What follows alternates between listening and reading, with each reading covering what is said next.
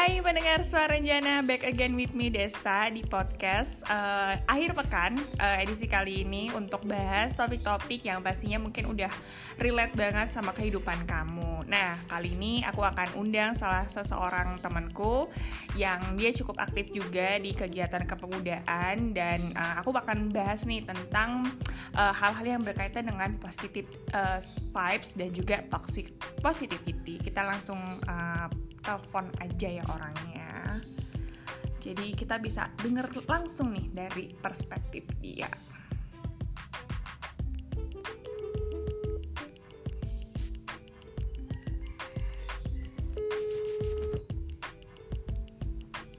Halo, assalamualaikum.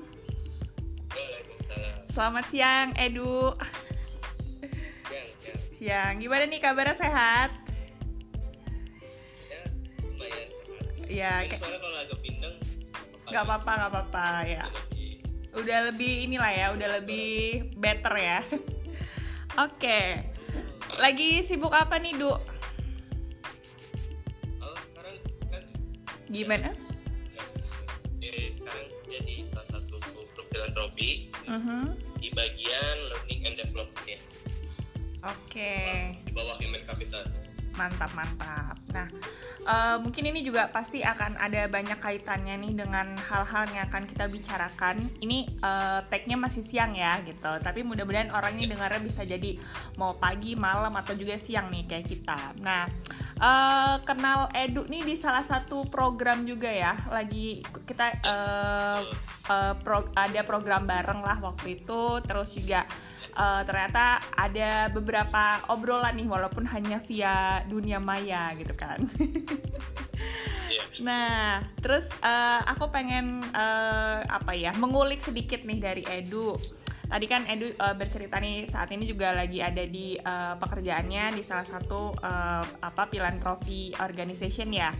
Nah uh, itu uh, mungkin pernah lah ya pasti mengalami uh, kayak kesedihan ataupun juga mungkin kayak uh, apa tuh namanya burnout waktu kerja. Nah, itu gimana tuh kamu uh, meng menghadapinya gitu? Ya, tapi sedih ya? Iya. Kan sebenarnya sedih atau kecewa itu ini ya kalau dibilang kita harapan sesuai dengan realita lah ya. Itu kan yang sekarang bikin sedihnya kita berharap apa ternyata realitanya nggak seperti itu dan biasanya kalau di tempat uh, sadness itu muncul kalau karena masih kan baru dua tahun juga kerjanya ketika memang apa ya ada hal-hal yang uh, ditargetin jadi ternyata tidak semudah yang dijalankan gitu ya. Sehingga kontribusi itu ngerasa kurang gitu kan. Nah, itu kadang bikin sedih.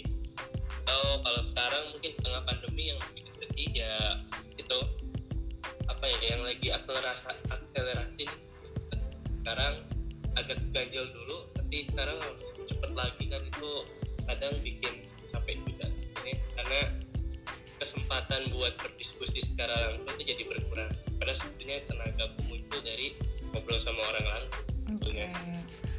berarti lebih ke uh, tipe-tipenya ekstrovert gitu ya? Oh. uh, yang menemukan energi dari uh, uh, face to face dan juga berdiskusi langsung nih sama orang. Nah, terus uh, gimana nih Du uh, cara kamu bangkit uh, dari kegagalan nih misalkan ada hal tadi yang nggak sesuai, misalnya kayak target yang nggak tercapai atau kemungkinan misalkan uh, ada um, apa salah-salah persepsi sama rekan kerja itu gimana? Jadi ini kalau soal bangkit kan kalau kita uh, ada kurva kegagalan gitu ya yang value itu. Mm-hmm. nah, ini belajar dari mentor.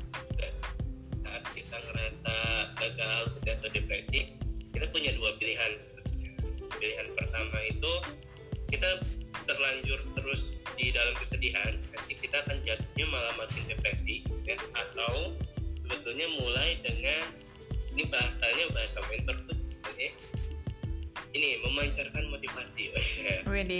nggak nggak sesimpel nggak sesimpel dengerin motivasi langsung memancarkan gitu nggak uh -huh. setiap orang pasti punya caranya masing-masing uh -huh. nah kalau buat diri sendiri uh, buat ngelupain kegagalan atau membuat dari kegagalan atau maksudnya tadi me, apa memancarkan motivasinya kalau buat edu itu ini cari sesuatu yang baru jadi kalau misalnya targetnya gagal nih aduh gagal eh sedih bersedih dulu karena sedih juga penting ya apalagi yang udah nonton Inside Out hmm. jangan terus terusan seneng ya sedih hmm. juga hmm. perlu sedih dulu tapi habis itu cari sesuatu yang baru gitu ya untuk kita sedikit uh, ngelupain dulu apa yang tadi kegagalan tadi jadi ketika udah sesuatu yang baru kan kalau nggak nyobain sesuatu yang baru itu lebih kan lebih mudah ya kita kan belajar basic jadi kemungkinan berhasilnya juga lebih tinggi ya karena kan ada baru ini nah ketika mood sudah naik barulah uh, ngevaluasi kemarin nggak bisa gagal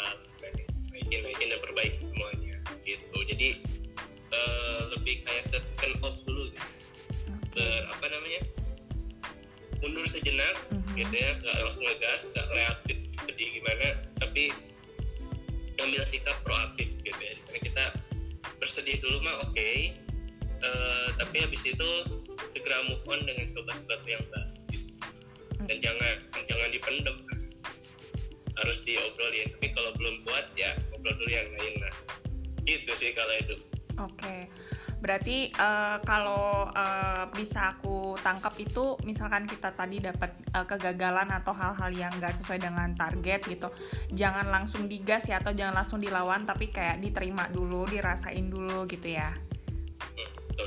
Nah, uh, ini kaitannya tadi kan juga Edu sempat menyinggung nih tentang bagaimana memancarkan uh, hal yang positif gitu ya.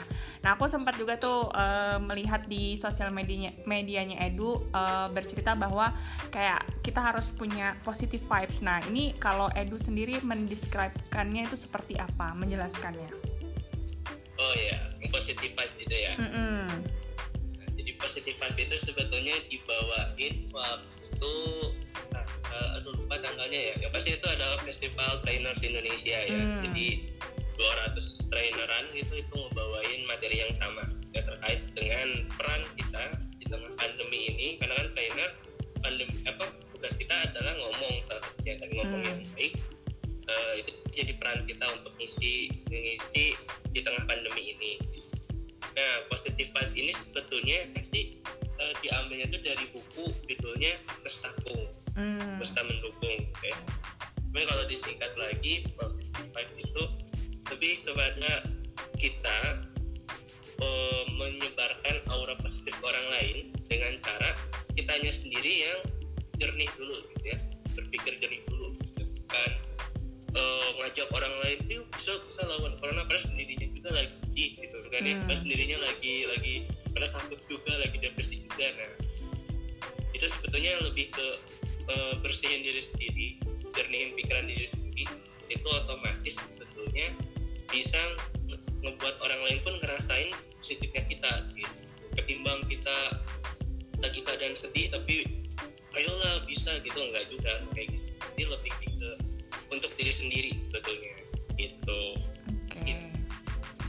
jadi lebih ke pertama dari uh, personal diri kita sendiri dulu, terus baru kita mungkin menginfluence orang lain juga untuk punya eh, hal-hal uh, yang berkaitan juga dengan positif nih. Nah kalau dari Edu sendiri nih pernah dengar uh, toxic positivity nggak? Pernah nah uh, di channel YouTube-nya seorang artis eh, oh, artis influencer. Influencer gitu ya.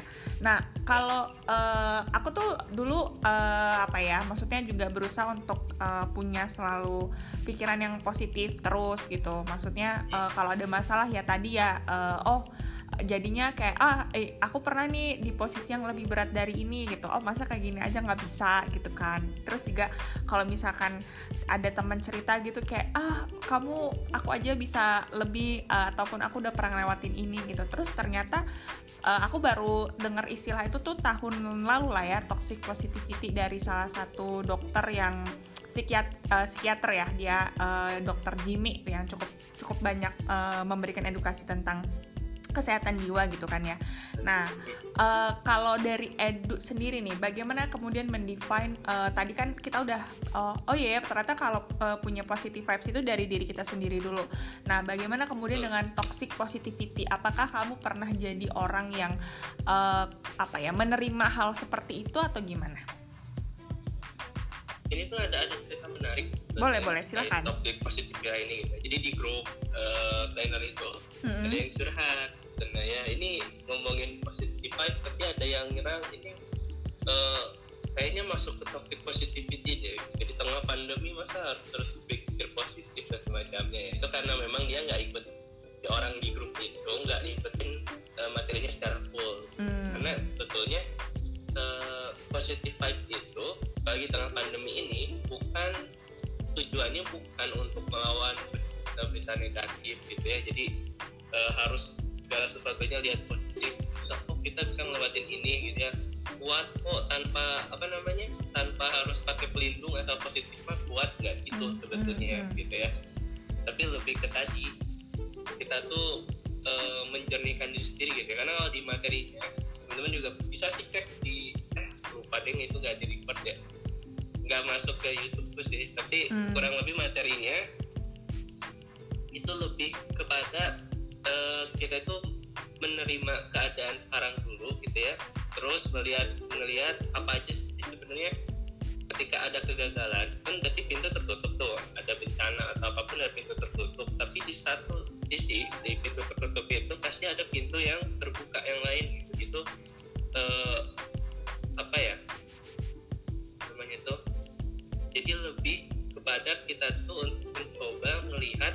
bukan terus lihat kegagalannya tadi. Kan tadi pilihannya ya kalau gagal pilihannya kita mau terus diam dulu atau gerak ke depan gitu kan ya. Hmm. nah itu lebih ke cara kita buat second off gitu ya lebih ke jangan reaktif gitu ya. Jangan reaktif tiba-tiba harus langsung semangat gak juga nanti nggak sehat ya. Kalau sedih sedih aja dulu gitu ya.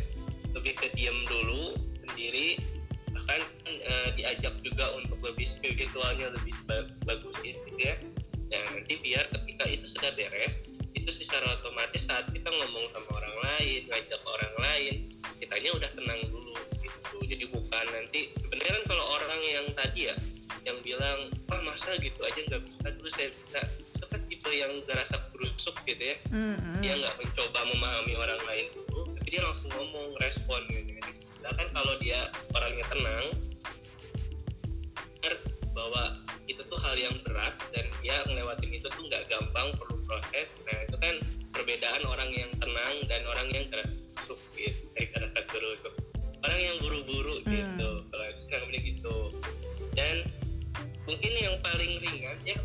menanggapi topik positivity ini kata itu sih nonton film Inside Out yep. Yep.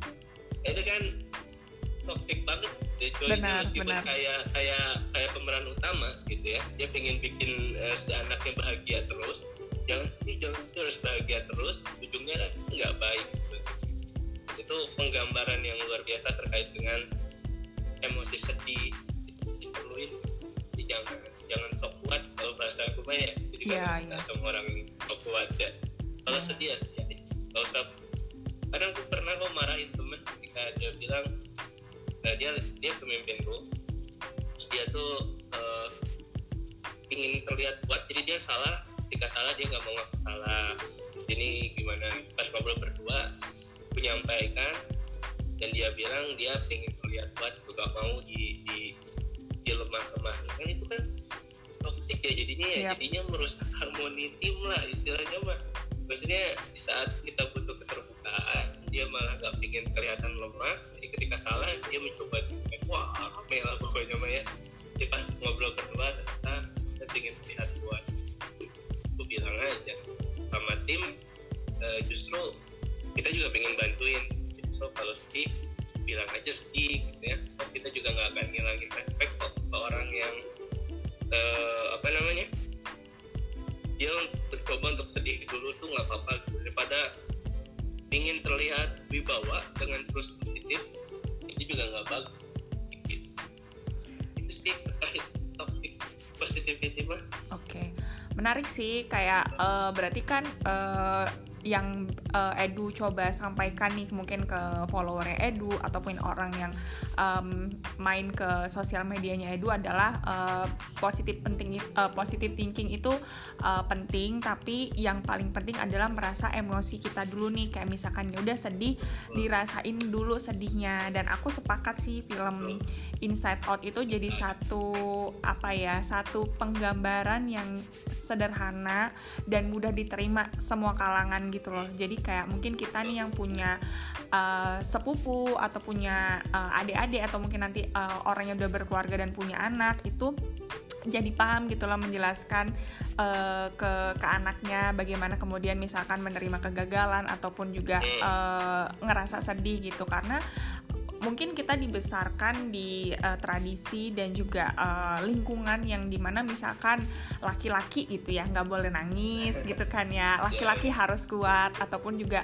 misalnya perempuan nih uh, ketika cengeng itu ih dasar apa sih cengeng banget? gitu kan. Jadi iya. akhirnya terbawa nih uh, sampai kita dewasa sampai kita mungkin uh, ber, berkegiatan gitu sehari-hari akhirnya berusahanya tuh kayak oh kalau orang yang paling positif itu adalah orang yang selalu eh, nggak uh, pernah ini nggak pernah sedih gitu nggak pernah kuat eh nggak pernah kuat nggak pernah nangis gitu gitu yeah. sih menarik menarik nah terus uh, gimana nih kalau dari pengalaman Edu sendiri ya ngebalancing antara tadi uh, oh iya ya aku tahu nih stage aku uh, lagi sedih atau aku lagi marah kecewa gitu untuk akhirnya balik lagi ke ke apa ya ke ke resonansi awal kalau ya kita harus tadi punya pikiran yang tenang dan rasional. Nah kalau caranya itu manusia itu kan ada tiga sebenarnya yang harus ditanyakan selalu ya. Apa perasaannya, apa pikirannya sekarang dan apa yang ingin dilakuinnya itu sih cara terbaik untuk kita berempati sama orang lain. Tentunya ya, kita nanya perasaannya dulu apa yang dipikirinnya mau gimana kan nah komunikasi itu sebelum ke orang lain. Dan di, di materi positif life juga di, dikasih tahu bahwa sesekali ngobrol sama diri sendiri gitu kan ya. Jadi jangan malu buat ngobrol sendiri gitu nanya e, itu gimana cara gitu ya. Terus sekarang lagi mikirin apa sih? Mau apa? Depannya ngobrol sendiri ya nggak apa-apa ya. Oh nanti kalau misalkan yang karena aku ya karena sholat ngobrol kayak gitu sama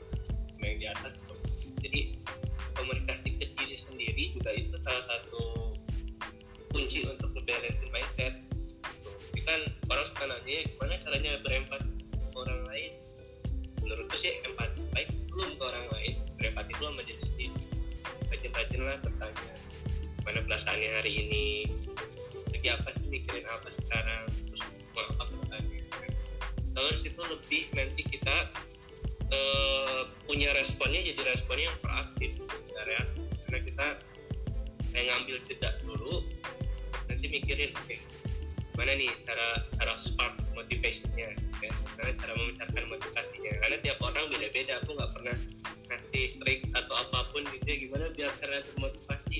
Oh saya bukan motivator ya gitu ya. Yang saya kasih tahu adalah triknya itu aja ngomong dulu sama diri sendiri sama apa yang karena kan yang tahu perasaan manusia ya cuma dia sendiri ya. bukan Kita baca perasaan orang. Bahkan perasaan sendiri pun kan, kan suka nggak karuan ya. Makanya ngobrol sama Oke, menarik sih. Jadi uh, ini juga semakin mengulang kembali sebenarnya beberapa mungkin obrolan aku sama uh, guest speaker guest speaker lainnya adalah sebelum kita sering untuk ngecek sosial media orang lain atau ngecek uh, bagaimana achievement orang lain ataupun kekurangan orang lain, kita harus melihat ke diri kita dulu kan. Uh, jadinya uh, apa ya energi yang terpancar itu emang energi um, memang yang dari kita gitu bukan bukan karena oh si ini misalkan usia eh, uh, 30 tahun sudah punya penghasilan berapa digit gitu misalkan oh atau misalkan si ini uh, apa namanya masih muda anaknya udah lima misalkan kayak gitu. Jadi akhirnya kan ya apa ya bukan perlombaan yang harus kita jadi paling cepat gitu kan ya gitu menarik menarik ada ini last statement dari Edu bagaimana kemudian untuk uh, mungkin um, menghindari juga nih ataupun uh, meng, membiasakan diri juga untuk ya jangan selalu berada di pikiran yang uh, negatif dan juga lingkungan yang negatif. Mungkin closing statementnya karena alhamdulillah saya punya guru yang luar biasa ya. Saya sebut guruku tuh Kang Hari Firmansyah boleh teman-teman cek aja IG-nya ini tuh keren banget akangnya. Uh, di mana di sana dia tuh adalah seorang high class respon designer. Jadi bagaimana cara kita ngedesain biar punya respon yang bagus gitu. karena bener banget setelah aku kan sering jadi timnya nih. Jadi uh, kayak ikut kelas jaga design belajar terus tentang bagaimana cara merespon yang baik dan benar alhamdulillah jadi sekarang lebih lebih tenang gitu ya uh, biar kita tetap dalam tracknya kita ya biar tadi kita nggak panas lihat orang lain karena balap hidup bukan balapan gitu ya. Nah maka kita harus punya respon yang proaktif gitu, bukan reaktif. Jadi kalau misalnya nanti menghadapi sesuatu eh, di, di saat nanti kita mau merespon itu kejadian karena kejadian itu di luar tanggung jawab kita tapi respon itu tanggung jawabnya di kita karena apa pun kejadiannya semuanya itu tergantung dari respon kita. Itu sih covid oke okay, jadi, jadi punya respon yang proaktif. Benar. Yang karena yang bisa kita kontrol adalah pikiran dan juga respon kita. Tapi kalau yang orang lain itu ya udah itu urusan netizen masing-masing lah seperti itu ya. Oke. Okay. di luar dari kita. Iya benar banget kita mau berbuat apa dengan itu mulai iya mantap mantap. Dan uh, apa nih kayak sosial media ataupun channel yang bisa diikuti uh, nih sama nanti pendengar suara Renjana punyanya Edu? Mungkin di Instagram dulu aja ya. Di Instagram? YouTube uh, YouTube sekarang lagi berhenti dulu buat bikin live. Karena biasanya ada live dia lagi berhenti dulu jadi boleh di Instagram dulu aja di @edunthadhu aku yakin kalau followernya Desta ketik EDHU saya paling atas. Siap siap siap. ya. nanti mungkin bisa main ke Instagramnya Edu karena uh, apa ya biar makin banyak belajar juga tentang eh, hal-hal uh, yang kaitannya juga bagaimana sih mengontrol diri kita biar nggak terus-terusan ngelihatnya ke atas gitu ya. Tapi uh, cek diri sendiri dulu. Terima kasih Edu atas waktunya. Sama-sama. semoga cepat sehat ya Oke, sampai ketemu lagi, Du. Assalamualaikum. Waalaikumsalam. Oke, nah itu tadi uh, perbincangan gue sama Edu mengenai bagaimana sih kita untuk punya uh, balancing mindset ya tadi untuk nggak selalu juga nyalahin diri sendiri ataupun juga lihat uh, hal-hal yang terus-terusan negatif gitu. Bagaimana kita kemudian meresponnya. Nah untuk kalian yang juga mau uh, dengar topik-topik yang menarik dan juga uh, bisa request juga mungkin uh, uh, guest speaker yang akan diundang di sini, uh, jangan lupa terus mantengin suara Renjana di uh, sesi-sesi selanjutnya. Bye!